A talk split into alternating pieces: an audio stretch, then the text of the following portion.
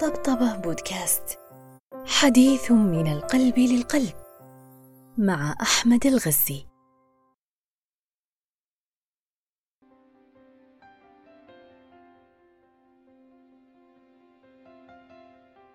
لا يكون الحب حبا حتى يرقق مشاعرك ويجري أنهار مشاعرك. فتبدو مستمتعا بقصص العشاق متفهما لتصرفاتهم. وعاذرا لهم. ولا يكون خالصا حتى يسلبك بعض حواسك. فلا ترى غير حبيبك ولا تسمع كلام الوشاة عنه. ولا يكون الحب صادقا حتى يكون عصيا عن الزوال. فمهما هبت رياح التنائي يقف لها الحب صامدا. قد ينحني قليلا لفراق أو ابتعاد لكنه لا يزول ويبقى ولو على شكل ذكرى طيبة. تجلب السعادة وحتى ذكريات الحب التعيسة.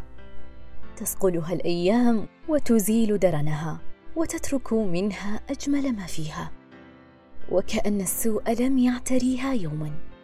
ودليل ذلك تلك الابتسامة العميقة التي ترتسم على شفتي كل عاشق حين يتذكر من يحب بعد سنوات وسنوات من الفراق. ولا يكون الحب حبا حتى يكون شفيعا لمن تحب. ففي كل مرة تتبرم من سوء معاملته أو تتذمر من عدم اهتمامه أو تضيق من تقصيره وتفتأ تعيد ذات التساؤل على نفسك ألف مرة. ما الذي علقني به؟ وهو ليس من الناس بأجملهم وأفضلهم ولا أغناهم.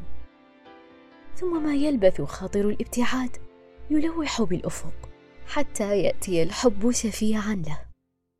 دامحا لزلاته ومهدئا لما تعكر من صفو العلاقة.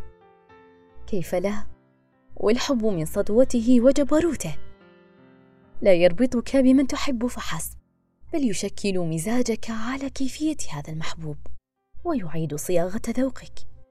لتكون معايير جمال من تحب هي معايير جمال البشر عندك. أخيرا لا يكون الحب حبا حتى يكون نقيا. نزيه المقصد. سامي الهدف. رفيع عن أدران الجسد. خال من الدوافع المريبة. التي تلوث صفاء وجه المشاعر. الحب نقاء.